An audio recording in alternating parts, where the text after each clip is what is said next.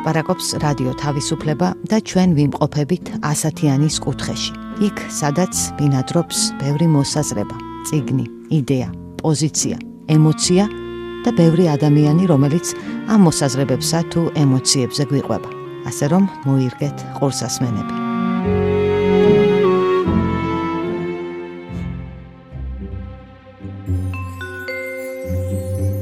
სალამი, მე სალომე ასათიანი ვარ, თქვენ უსმენთ პოდკასტს ასათიანის კუთხე.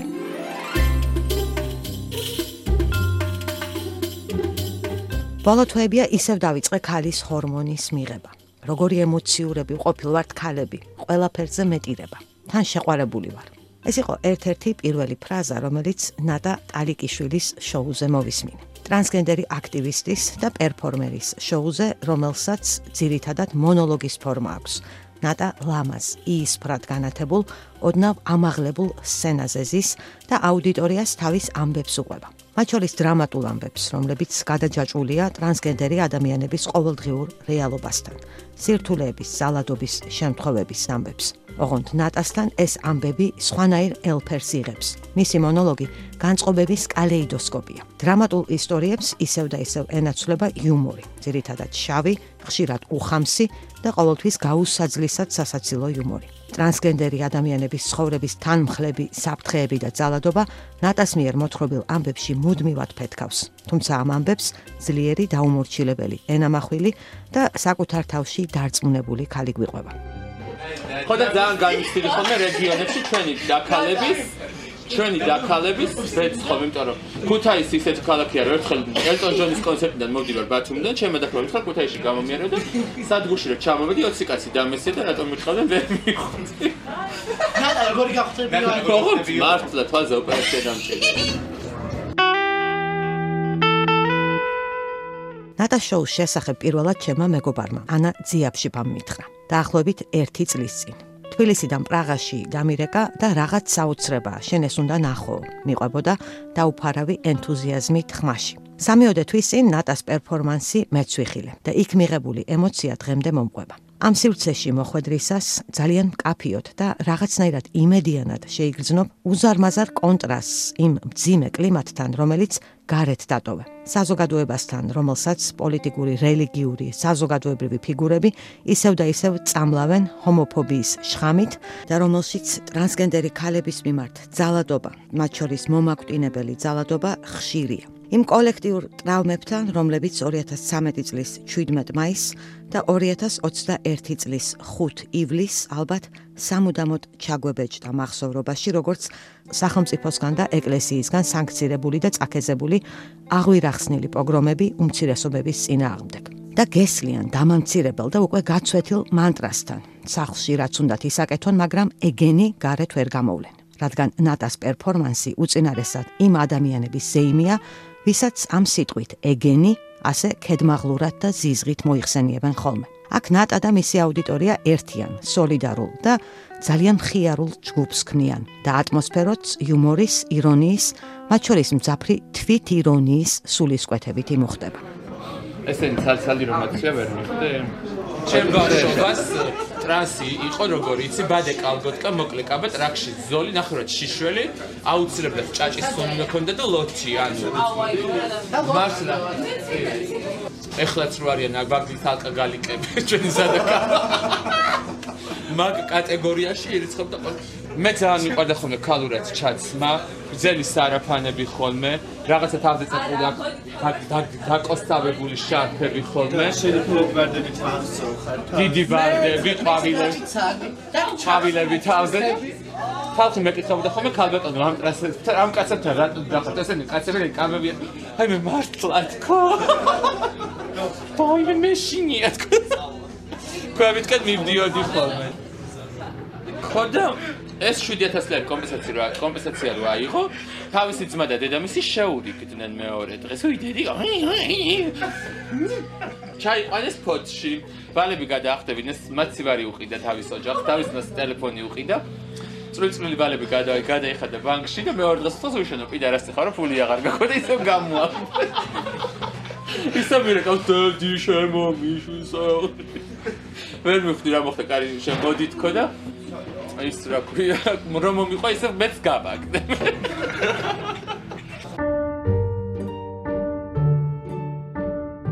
დროდადრო ნატა მონოლოგის განწყობას ცulis და ხაზგასმულად მელოდრამატული ინტონაციით გვიყვება შეყვარებულობის მდგომარეობაზე, რომელიც, როგორც ამბობს, ახლა დაუდგა. გვიყვება თავის პარტნიორთან ახლახან დაწყებულ თანაცხოვრებაზე, თავის ემოციებზე, იმაზე დროდადრო როგორ ჩაიკარგება ხოლმე რომანტიკულ ოცნებებში. და თან ვაშლს მიირთმევს როგორც ევა. სარეკლამო ჭრა არ არის ჩემი მეუღლეს წე რაღაც მოუწერა ხალი რაც თავი მახსოვს თანასწორობას ვითხოვ. და თანასწორობისთვის რა ვიცი საკუთარი პირადი ცხოვრება არ გამაჩნია რა ვიცი ერთი ბოლო რამოდენიმე პერიოდია რაც პირადი ცხოვრება დავიწყე იმიტომ რომ ხვდებოდი რომ უკვე ადამიანად აღარ ვარგოდი და რაღაც თავისუფლად უნდა მიმეხედა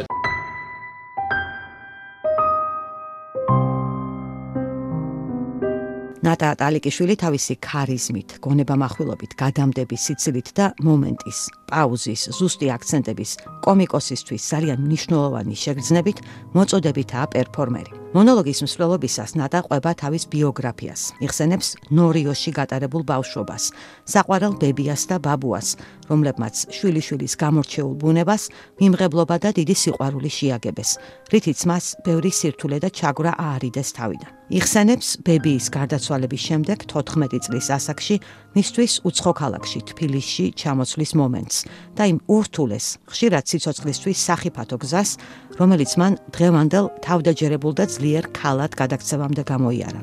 არასრულწლოვანი სექსმუშაკიდან აქტივისტობამდე და პერფორმერობამდე.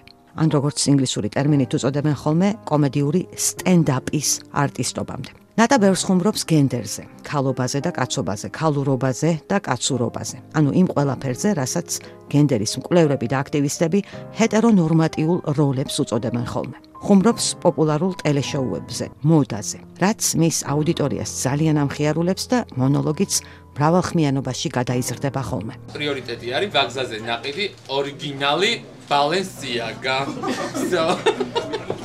ორას ლარია. ენჯელი არის, ენჯელი მარტო ბასიანზე ისმის ხოლმე. მა ჩვენ გადმოგეცემათ მის შეუდეს 20 წელს საქმე. ტრანსმოსტ მოტორსი დაკაჯიტო. დეველოპერული კომპანია ლიენა ფაუერს. გადმოცემთ ვინა სასლარა. ერთო თახი ამ პადმალს ერთის კამბი და ერთი მაგიდი საჩუქრად. გილოცა. აა მოხებით აბა.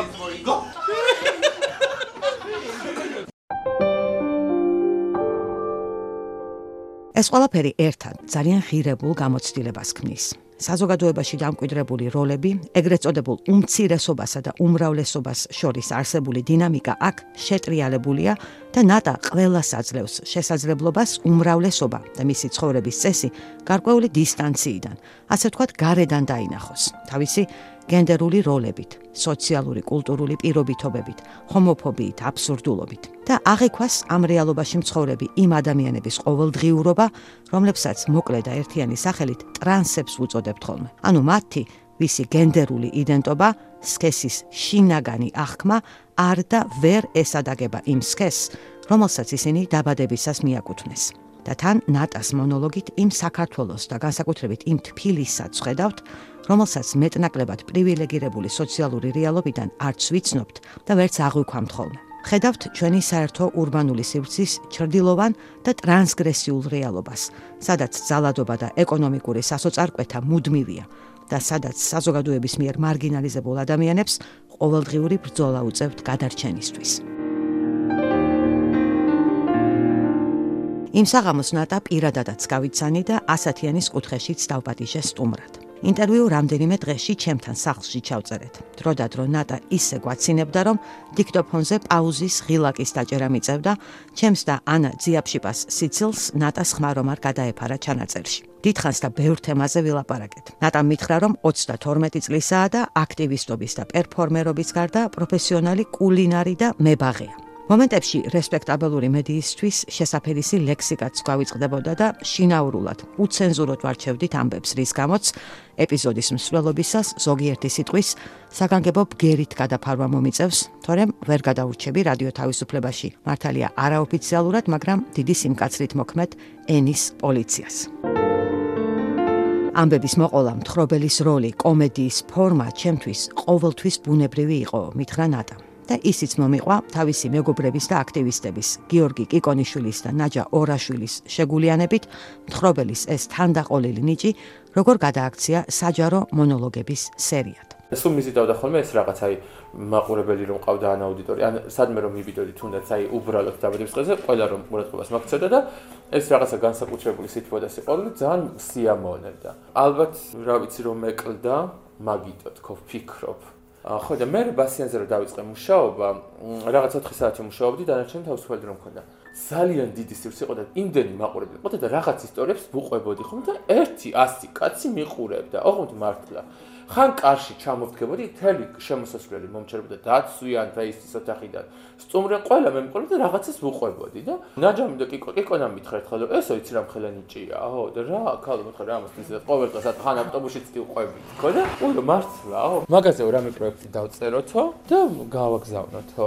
მანამდე ერთი ორი საათელაც ჩაატარეო. ორი თუ სამი შეხვედრა ჩავატარე. პირველად 1.30 კაცი ესწრებოდა. მეორეზე რომ მივედი, ვიფიქრე რაღაც სხვა რაღაცაც ხდება თქო იმიტომ რომ ერთი 100 კაცი იყო ქალთა ფონდი რაღაც შსს გახარიას მოადგილებ და მაგ ეს რა ხდება ძალიან შევწუხდი ხო იმ ხელა პასუხისგებლობა ვიკრძე ჩემ დაქალებთან რაღაცას რო ხახახი ხო ეს აღარ იყო ხო ხდება და ვაიმე ვიფიქრე ხო რა მეშველება ოღონდ მართლა ვიღაცა გენდერის დეპარტამენტის ხელმძღვანელი სახალხო დამცველი და კიკონა წერს რომ ისეთი ხალხია მოსულიო რა ბა ეხლა შენიც ვაიმე რაღაცა დავკომპლექსდი და მე ვთქვი სასწრაფოდ წინგეები დამისვით.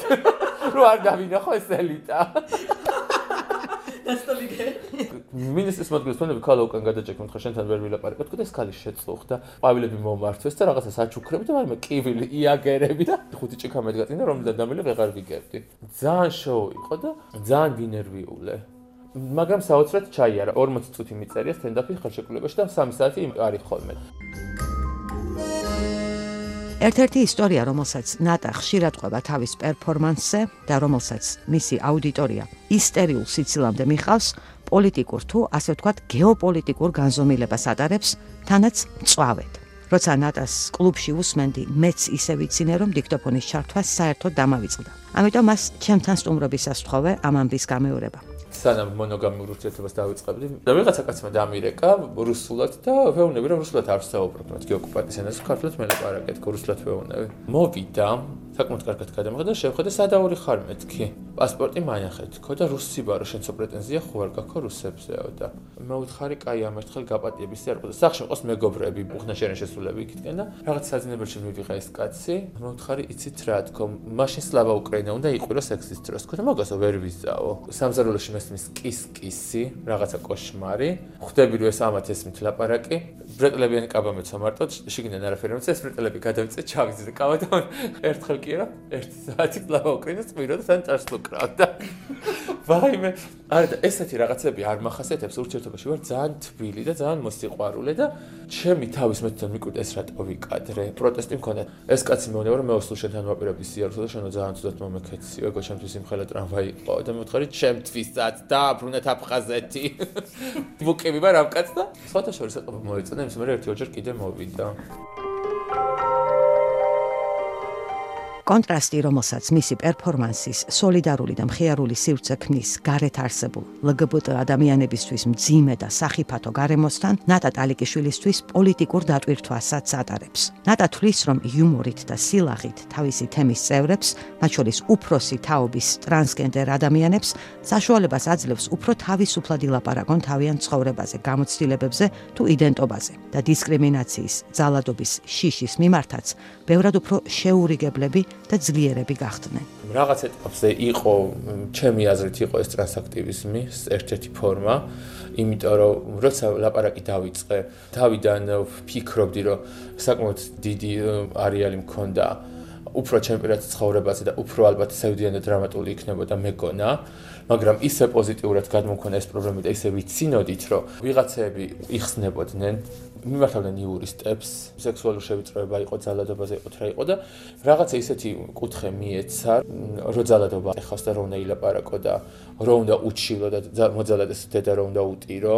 დასაცინი საერთოდ რო არ იყო და თითის გასაშვერი ვიღაცის ჩაგვრა ანუ ვიღაცას რო ჩაგრავდნენ ან აუპატროდნენ ასახლი და რო აქტობდნენ და ასე შემდეგ ხო და ჩემი დაქალები რომლებიც არ იძახდნენ ძალადობას ცემას ქუჩაში თავის გატეხვას წყვილის გატეხვას ხედავდი რომ მოგმართავდნენ ორგანიზაციაში ღამე იქ ვიჭექი რაღაცაზე ვლაპარაკობდი ყვებოდი რომ ძალადაზე დავუტირე კომპენსაცია ავახიე დედოფალი ვარ ის მობანაგავი ის მიბანაგავი სასამართლოში კარალება ვიყავი და მეორე დღეს ხედავდი რომ ჩემი დაქალი მოსული იყო და ჩიო და თავის გატეხვაზე. სტენდაფების მერე ძალიან ბევრი უფრო ჩემზე ასაკით დიდი ვიღაცები გამომეხმაურნენ და რაღაცებს რომ წერენ ხოლმე ვდები რომელ ეპოქაში ანუ რა რთულ წლებში იყვნენ რომ მათთვის ეს გამოხატვა ძალიან კოშმარი იყო წერენ როგორი ამაყები ვართო თუმცა მე მე ვხვდები რომ ეს რაღაცა სამაყო გავაკეთე და ვერ ვერ აღვიქვა ამას. ისეთ კომენტარებს ვიღებ ხოლმე ვიღაც ავანტყოფებისგან რაღაცებსაც კი ვიღებ მაგრამ სალანძღავს არა იმენა ავად მყოფურს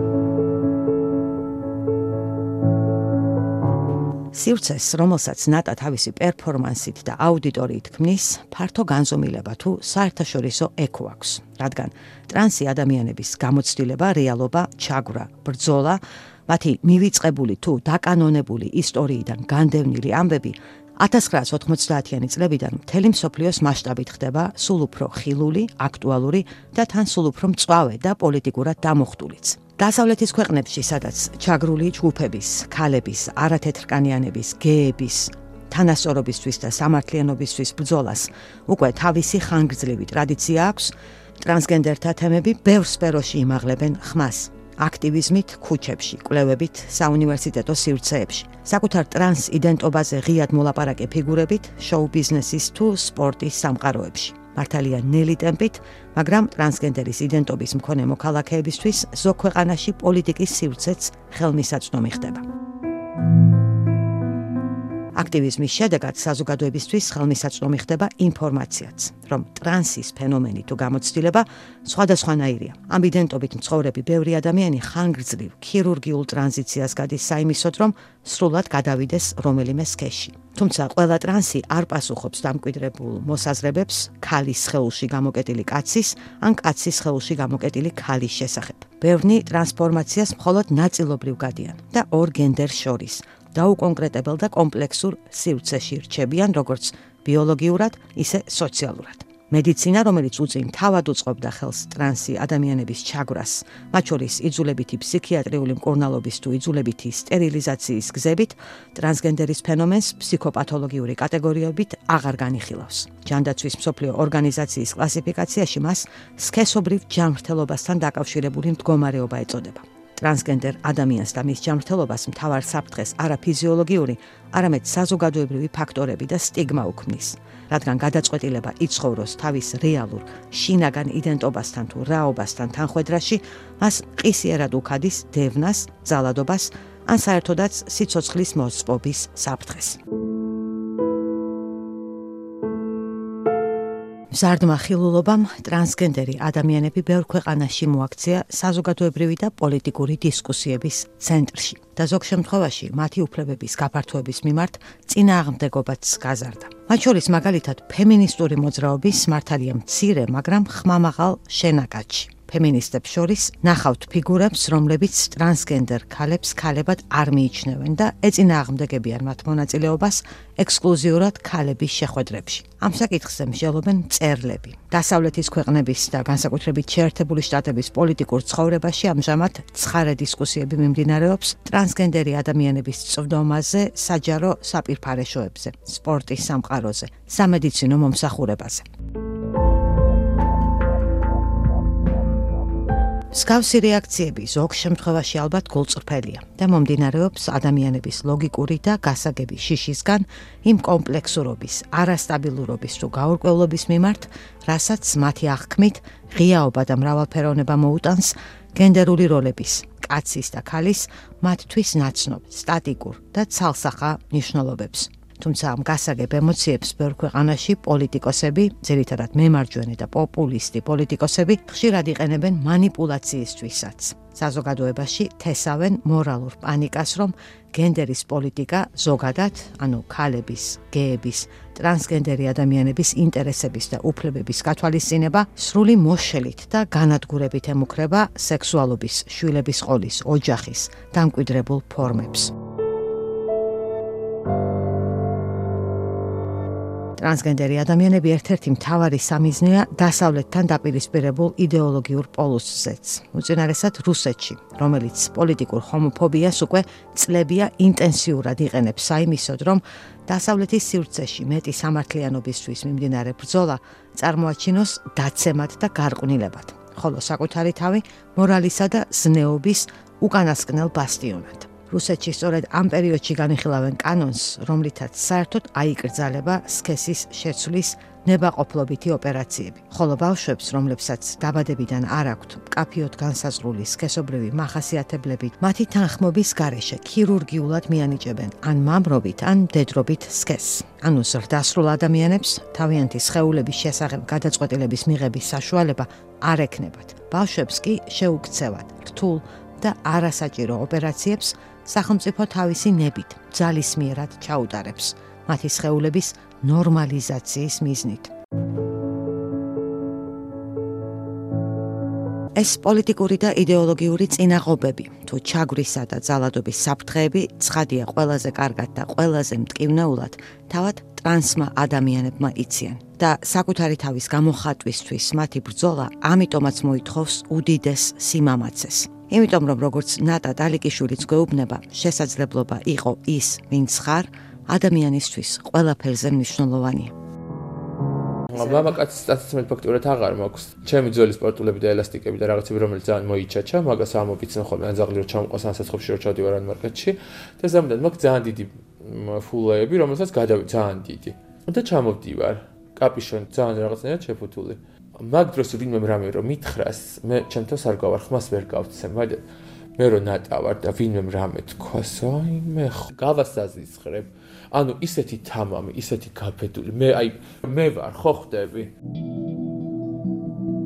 თავი კაცად არასოს არ აღმოქვია. სადღაც შუაში არც ერთ დღეს არ მივაკუთვნებდი თავს. ძალიან ბევრი წელი დამჭირდა ამის იმაში. პრობის ზრდებოდი, სტრესავდა ის, რომ სკოლაში მასწავლებლები მაბულინგებდნენ ნაწილი. ვიღაცა ნაწილი ბავშვებისაც. ძალიან ფემინური ბავშვი ვიყავი პუტკუნა, დიდი ძუძუების სულ მქონდა ხოლმე სიპუტკუნისგან, გრძელი თმა, ფრჩხილი სულ გაკეთებული, წამწამი გაკეთებული, სახში ტუში მაინც სულ მესვა ხოლმე. ერთხელ მოხდა ჩემო ზოლტ ბავშვებთან გუნდა, ობდია თვალში მოხვდა გუნდა და რო დადნა ეს ტუში ჩამომივიდა და რა გისვია მეუბნებოდა ტუში. პირველად მაღალქუსლიანი ქოშები რომ მომიტანა ბებომ და რაღაცა ლურჯის თარაფანა რო ჩავიცი. უფრო კომფორტული იყო ჩემთვის ვიდრე კაცის დასაცმელი. და მაგედან დავიწყე რომ ვიყავი გოგო. უკვე დიდობაში 8-9 წელს რო ვიყავი კესარიას გამოჩნდა ტელევიზორში და მერევე მივხვდი რა იყო ტრანსიკალი.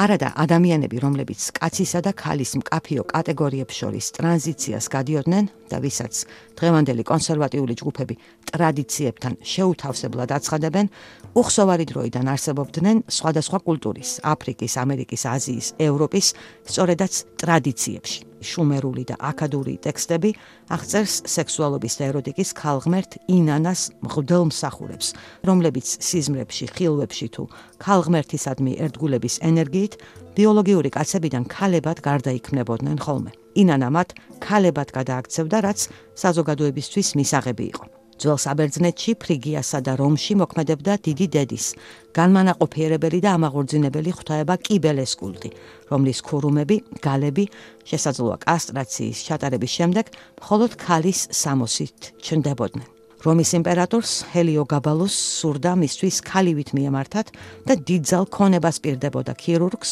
რომელიც მას სასქესო ორგანოს შეუცვლიდა. ბალკანეთში მე-15 საუკუნიდან არსებობს შეფიცული ქალწულების ტრადიცია. ქალები საკუთარი სურვილითან, ოჯახური საჭიროებით კაცობაში გარდადიან, ტრანზიციას გადიან და თემიც მათ სრულფასოვან მამაკაცებად მიიღებს ხოლმე. გენდერული ტრანზიციის კიდევ სხვა ჩემი საყვარელი შემთხვევებია აღწერილი კემბრიჯის უნივერსიტეტის მიერ 2020 წელს გამოცემულ ჯენ მენიონის წიგნში დედრი ქმრები ტრანს ისტორია, რომელიც ბრიტანეთის და ამერიკის წარსულის ამდრომდე მივიწყებულ ამბებს ააშკარავებს და გვიყვება დაბადებისას ქალებად მიჩნეულ გენდერულ მეამბოხეებზე, რომლებიც ძალადობის მუდმივი საფრთხის მიუხედავად თავიანთ სქესს გასცდნენ, კაცის ცხოვრებით ცხოვრობდნენ და ქალებზე იყვნენ დაქორწინებულები. და ეს ხდებოდა კოლონიური პერიოდიდან პირველ მსოფლიო ომამდე. ანუ ბევრად ადრე, ვიდრე ადამიანები ტრანსგენდერის ან ლესბოსელის კატეგორიებთან დაიწყებდნენ თავის გაიგივებას.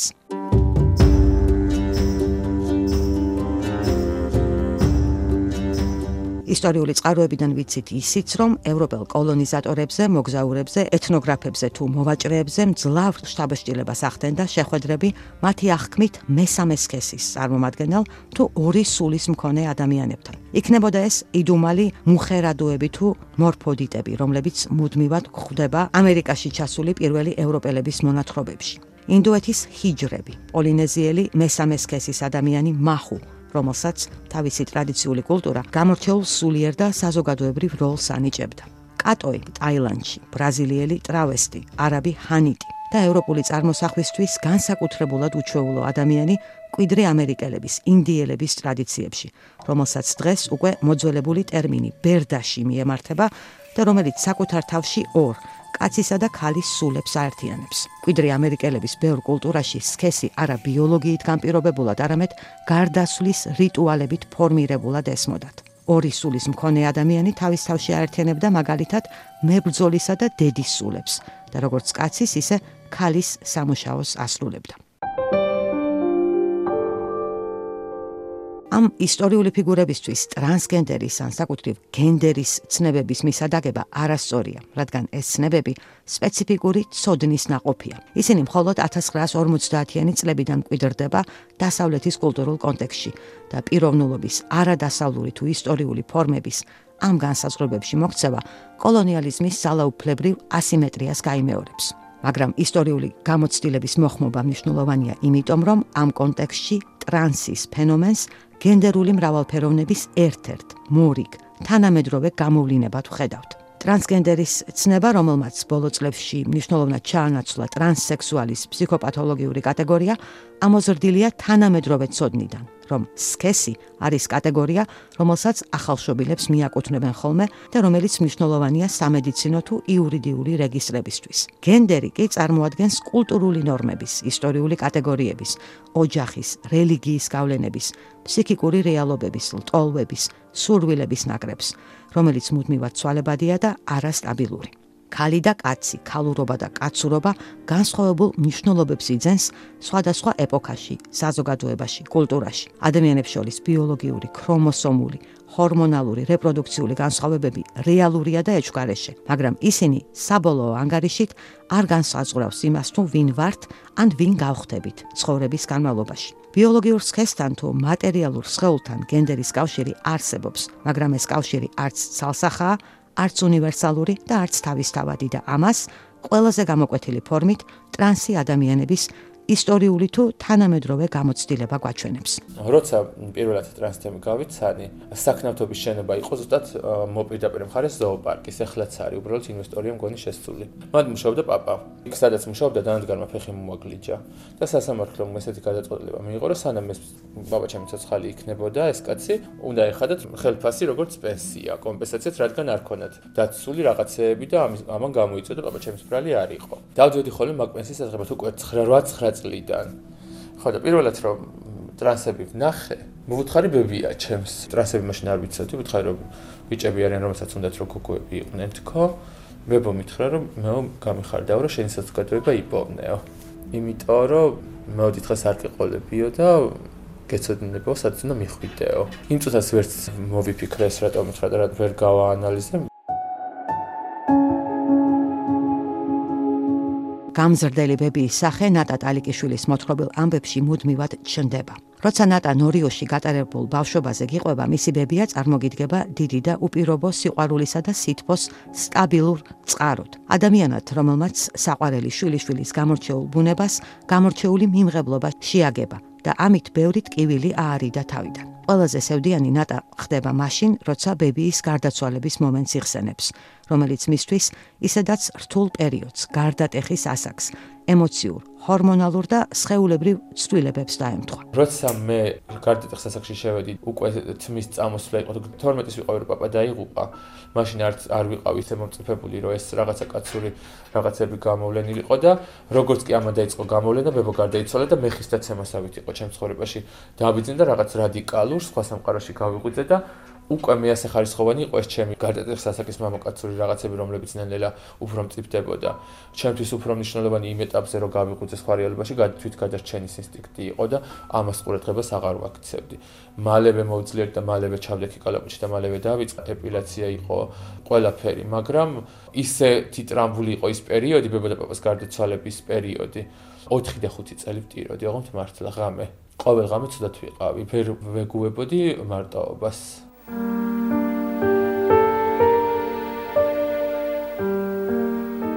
ბებიის დაკარგვის შემდეგ 14 წლის ასაკში ნატა მარტო ჩამოვიდა ნორიოდან თბილისში და მისი ცხოვრებაც რადიკალურად შეიცვალა. ძალიან რთული იყო, მაშინ ძალიან დიდი როლი ტრანსთემა ითამაშა ჩემს ცხოვრებაში.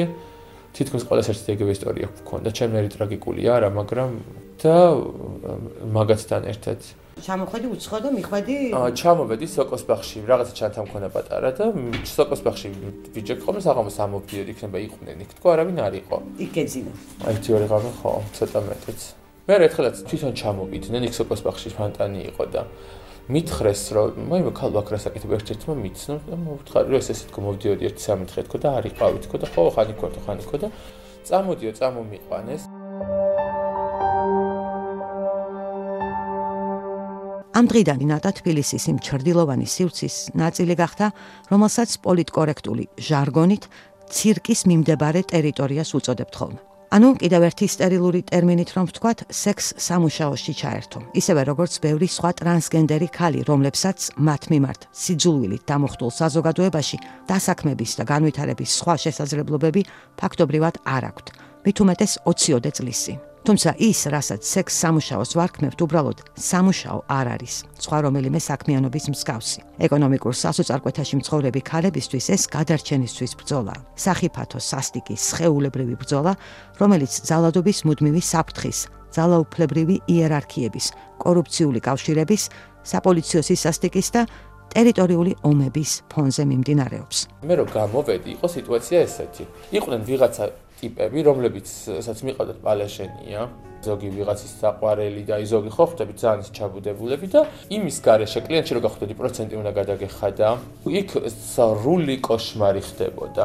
ვიღაც ახალი რო გამოვიდა და გადავლილი იყო. სექსუალური ძალადობა ფსიქოლოგიური ეგრეთ წოდებული მამაშობა ძალადობა კრიმინალი შანტაჟი მე ეს ბავში ქალი სამართალში სიყვარულში. ჩვენ ოჯახი და ხმამაღალი სიტყვა არ გასულა 14 წელი. და იმდენად მიუღებელი იყო ეს რაღაცა. მომივიდა ჩხუბი. ისეთი ჩხუბი რომ დანა არ ტრიალებდა ერთი თორე დანარჩენი ყველაფერი. სექსუალური პარტნიორისგან 3-4 ჯერ მქონია საკმაოდ სერიოზული ტრავმა. სექსის მერე. ჭრილობაც მაქვს. ერთი პარტნიორი მყავდა, ერთხელ სახში ჩემთან დაიწყო ხრიალი და ლოცვა. და ხმერს ცხოდა რომ აპატიოს რა შეგავაკეთებ და ფული დამბრუნა ახლა და ისე დღეში ჩავაგდე, ისე დღეში ჩავაგდე და მე გავაგდე ხლა და გიშველა შენ მოყდოლები მათქო და შენ ლოცვა თუ შეპიდარასტა თქო. ფიზიკური დაპირისპირება იმდანაც არ სტრესოს როგორც ფსიქოლოგიური. ძალადობას კი რაღაცა ძალადობით ვებრძოდი, მაგრამ სხვა გამოსავალი არ იყო. იქ მე სიქსკესის გენდერი ქალებიდან, რომელიც ვიღაც კაცებს ეუნებოდნენ, რომ სცემეთ, პიდარასტები არიან, ტრანსის მნიშვნელობა გეი არის, რომ ერთადერთი პიდარასტი იყო მაგათთვის და უფასოდ შეგხვდებით, ან ტერიტორიების, ოღონდ მართლა ტერიტორიების გაყოფა, იმიტომ რომ ტრანსები სადაც ძალიან პატარა კუთხეში დგანან, ეხლა სექს მუშაკი ტრანსები. და ძალიან გვავიწროვებდნენ. დღეს თითქმის 20 წლის გასვლის შემდეგ ნატა ტალიკიშვილი აქტივისტია, თანამშრომლობს არასამთავრობო ორგანიზაციებთან, თანასწორობის მოძრაობასთან, ქალთა ინიციატივების მხარდამჭერ ჯგუფთან და სამართლიანობისთვის ბრძოლას ძალიან ღირებულ და მნიშვნელოვან ცოდნას მატებს, პირად გამოცდილებას, რომელიც ურთულეს გარემოში, ხშირად შეულებრივი და ემოციური ტრავმების ხარჯზე მიიღო. შემდეგაც ვიღაცა რო შეურაცხყოფს აყენებ და ამცირებ და უტყავ და სხვები რო იწეოდნენ, ხუთი კაციც რო ყოფილიყო უკან დამხევი არ ვიყავი. სულ მაგიტო მაგ შრავები რომ მეც მომხვდებოდა, მაგრამ არ შევარჩენდი და ესეთ კვილად არ გავატარებდი და ყველგან უკვე ისმოდა ნატა, ნატა, ნატა და ხალი დავდიოდი და საქმეებს ვარჩევდი, ოღონდ მართლა. და ძალიან მალე დაიწყეს ორგანიზაციებმა სამსახურების შემოთავაზებები, რომ ნატა დაიწყე აუთრიჩერად. რავი, რაღაც აუთრიჩერი რას ნიშნავს აუხსნა? საბელე ოფიცერი. ტრანსთემის მობილიზატორი, იურისტი დაგჭირდებოდა და თუ რა დაჭირდებოდა, ყველა ინფორმაცია მქონდა და ამათ ვარიგებდი პოლიციაში გადაყვადით იურისტს ურეკავდი რომ ჩართულიყო, იქ არასრულპლანები ვიყავით, სოციმშაკი ჩართულიყო და კივილი იყო. ძალიან მიხარდა, იმიტომ რომ რაღაცა საქმე, რაღაცა რო ძალიან მნიშვნელოვანი რო წდებოდა და დაპირისპირება რო იყო, მე რა უკვე ის პოლიციისგან იყო, რომ აი ნატა უკვე ეს ვიღაცა ნაციონალებისა და პოლიციების და პროკურატურების ნასეტკები და ტრაკის მოლაკავები კი აღარ იყვნენ ამათი ავტორიტეტები. ნატა მართლა მოხდა აღძრად საქმე, რა თქმა უნდა, აღ ძო გოგო ვარ და ოღონდ მართლა ესე იყო თავს არ ვიქებ. აი ჩემი ძველი დაქალები ყველა დაადასტურებს. თვითონ ტრანსფერშიც ერთიანობა დაკლებად იყო. უფრო ის დაჩაგრული ტრანსები შემომიერთდნენ და გვერდით უფრო მეტი იმედი მქონდა რომ რაღაცა საჩივარს რო წერდი ან რაღაცას მოწმეთ გამომყვებოდნენ თან ვიყავით არასრულ წლონები უმეტესობა და ძალიან დიდი ბერკეტი გქონდა. ეს. ვერ ვეღარ გვიბედა, ვეღარ გვეკარებოდნენ და ამ სანამ ჩვენ სრულ წლოვნები გავხდით 4 წელი დამჭირდა, 4 წელში უკვე ქას გვირგვინით დიდე.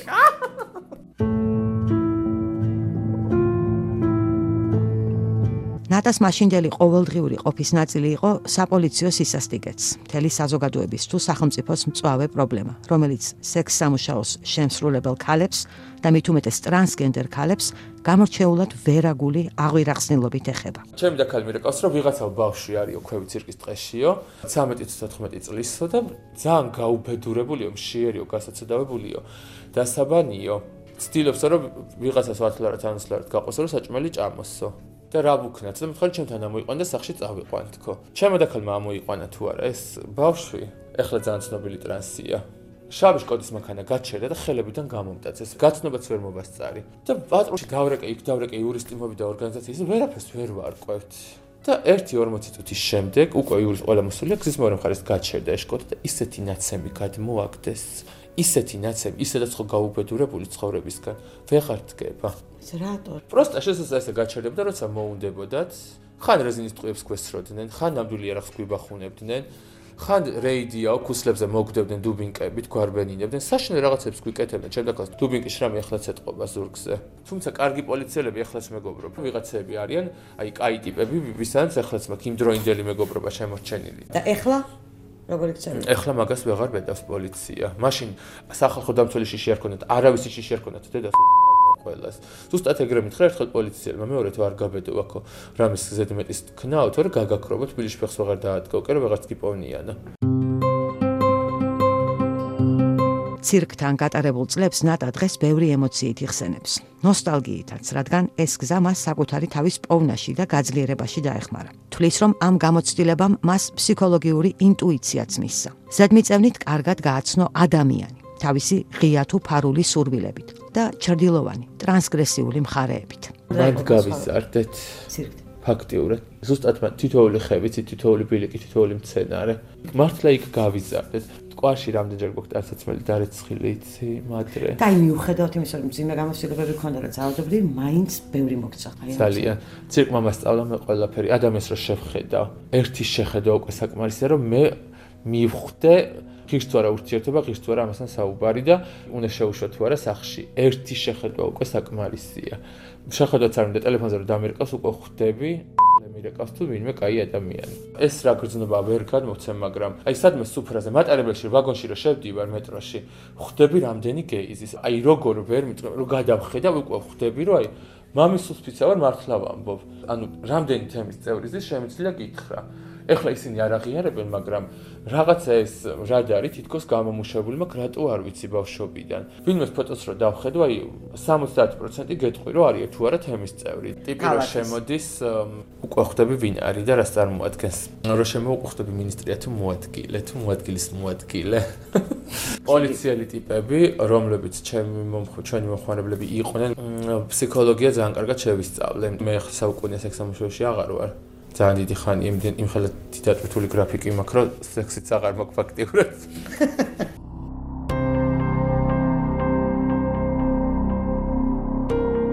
საერთაშორისო აქტივიზმში არსებობს ტერმინი ტრანსმიზოგინია, რომელიც კონკრეტულად ტრანსი ქალების მიერ განცდილ ჩაგვრას აღნიშნავს. რადგან აქტივისტები და გენდერის მკვლევრები გვეტყვიან, რომ ამ შემთხვევაში ტრანსფობიას კიდევ ქალთ მოძულეობა ემატება. ანუ მოსაზრება, რომ ქალობა და ქალურობა მეორე ხარისხოვანია, უფრო ნაკლებად ღირებულია, ვიდრე კაცობა და კაცურობა. და რომ ფემინურობის ფორმები უწინარესად კაცის მზერისთვის და სიამოვნებისთვის არსებობს. ეს ცხადია არნიშნავს, რომ ტრანს კაცებს ჩაგვრა ნაკლებად ეხება. საზოგადოება მათაც სასტიკად სჯის.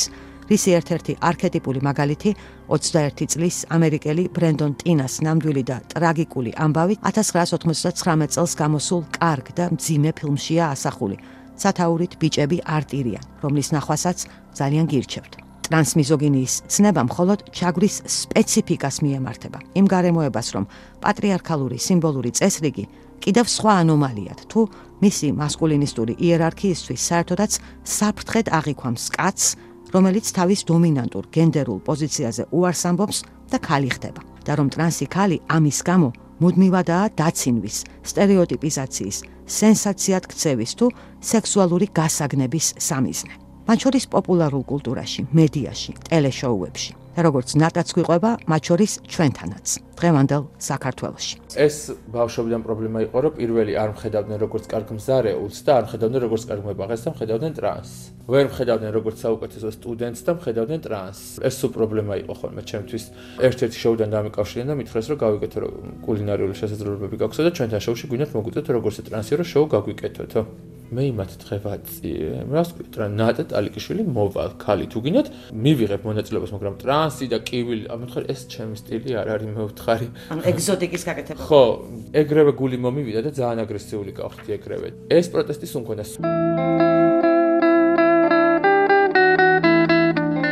რთულმა და მრავალფეროვანმა ცხოვრებისეულმა გამოცდილებამ ნატა ტალიკიშვილს თავისი თემის ის წევრებიც გააცნო, რომლებიც მშობლების, საზოგადოების, რელიგიური ნორმების თუ ინსტიტუციების მსხვერპლნი გახდნენ და ზეწოლის გამო საკუთარი თავის უარყოფაში უწევთ ცხოვრება. და ისინიც ვისაც ბედის მწარე ირონიით ლგბტ ადამიანთა წინააღმდეგ იმ სიძულვილისა და ძალადობის ნაწილად უწევს ყოფნა, რომელიც საპატრიარქოს წარმომადგენელთა წაქეზებით თბილისის ქუჩებში პერიოდულად მოუთოკავად ამოხეთქავს ხოლმე.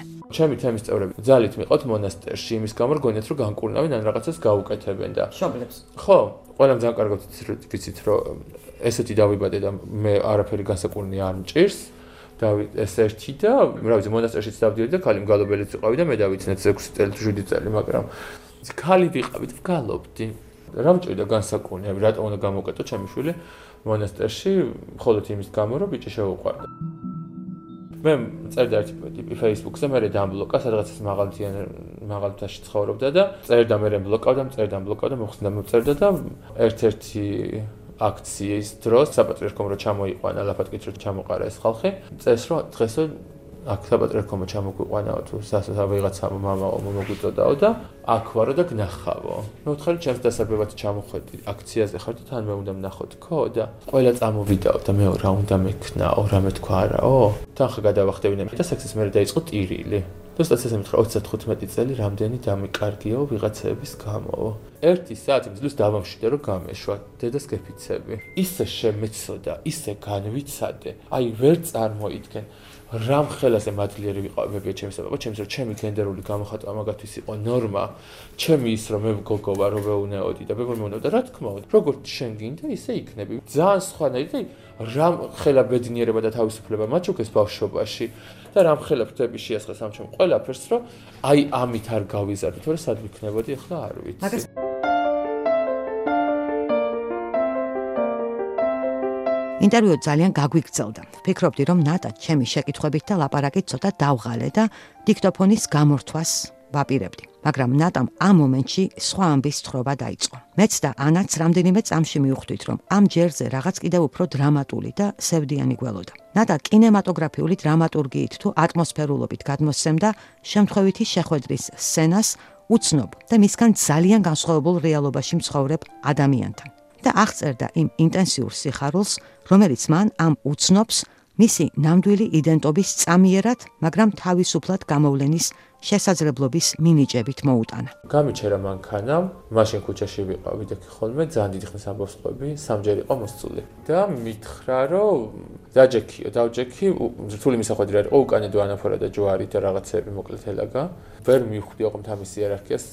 ძალიან მოკრძალებული იყო და ესე არ გამიჩეჩია და არ გამიტყებია მორალურად და მითხრა რომ უბრალოდ საუბარი მინდაო და მითხარი ჩემი დრო პაემანი ფული ღირს თქო მარტო სექსი არ თქო გადავახდიან სახში დავაპატიჟე მითხრა რომ აი ეს რაღაც თავის ცხოვრება მომყარა ბავშვობაში მეზობლის ფიცს კოცინდა და გამოიჭირეს და 7-8 წლიდან მონასტერში იზრდება.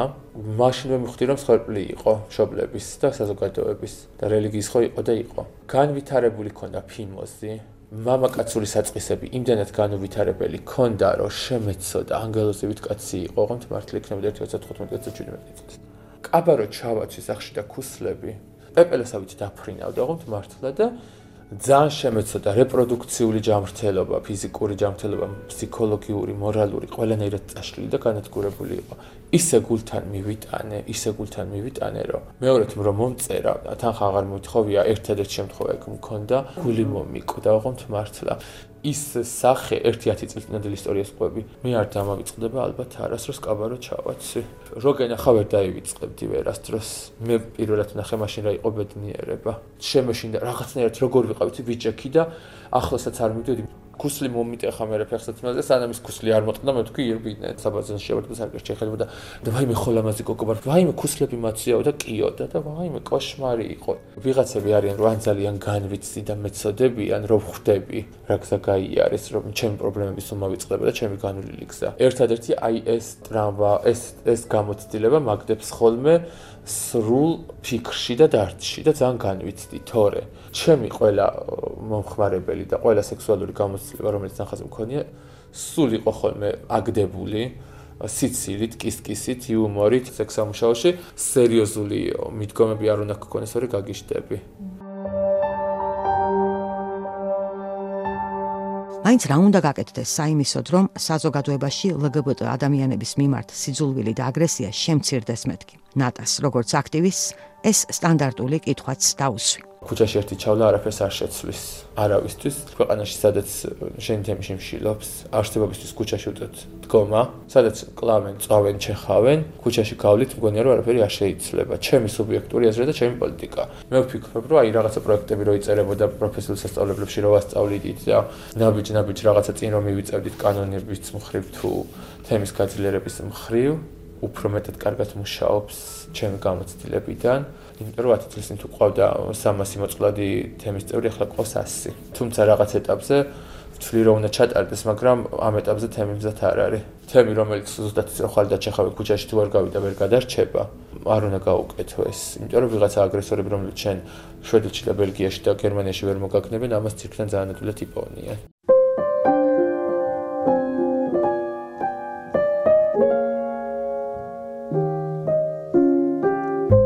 საბოლოოდ ყველაფერზე მნიშვნელოვანი სოლიდარობა და ერთმანეთის გაძლიერებაა.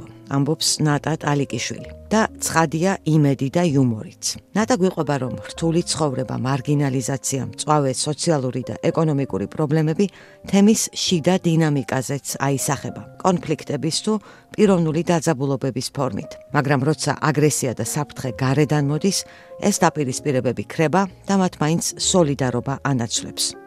ტრანსგენდერი ქალების თემში ნატას თაობამ ბოლო წლებში ბევრი წევრი დაკარგა. ზოგი ცოცხალი აღარაა, ზოგმა უცხოეთს მიაშურა თავშესაფრის საპოვნელად. მაგრამ მათთვის, ვინც ადგილზე რჩება და მით უმეტეს უმცროსებისთვის, ახალი თაობისთვის, ტრანსგენდერი თინეიჯერებისთვის, ვინც ახლა იწყებს თვითგამორკვევის და თვითგამოხატვის ურთულეს პროცესს, იმედი და იუმორი გადარჩენის წყაროა და ნატაც თავისი მონოლოგებით ისევ შექმნის სოლიდარობის სივრცეს. რაოდენ რთულიც უნდა იყოს ფანჯრებს მიღმა მფეთქავი გარემო და რეალობა. უფრო მეტი გამწარება და შუღლია, მაგრამ საკმარისი პრობლემა გარედან წამოვიდეს, რამე ყველა ერთად ვდგავართ. ერთმანეთს არ ველაპარაკებით, მაგრამ ერთმანეთის გვერდიგოთ დედას ყველაფერს. ეს მომენტი ბევრჯერ მიგრძნია. ძველებს უფრო გვაქვს შენარჩუნებული 4-5 ღავართ ცოცხლები. და 1-2-იც წასულია, 6 ალბათ 7 მაქსიმუმ. ბიანკა საბისინ ყველა დაიხოცნე, ზიზი, ირინკა, ეს ყველა მკვდარია თითქმის.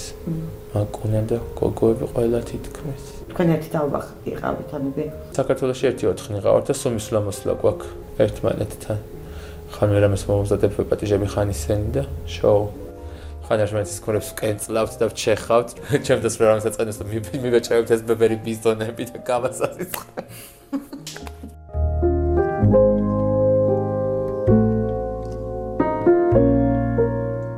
დღეს ამით გემშვიდობებით. ლაპარაკობს რადიო თავისუფლება, მე სალომე ასათიანი ვარ. თქვენ უსმენთ პოდკასტს ასათიანის კუთხე. დიდი მადლობა ყურადღებისთვის. მომავალ შეხვედრამდე.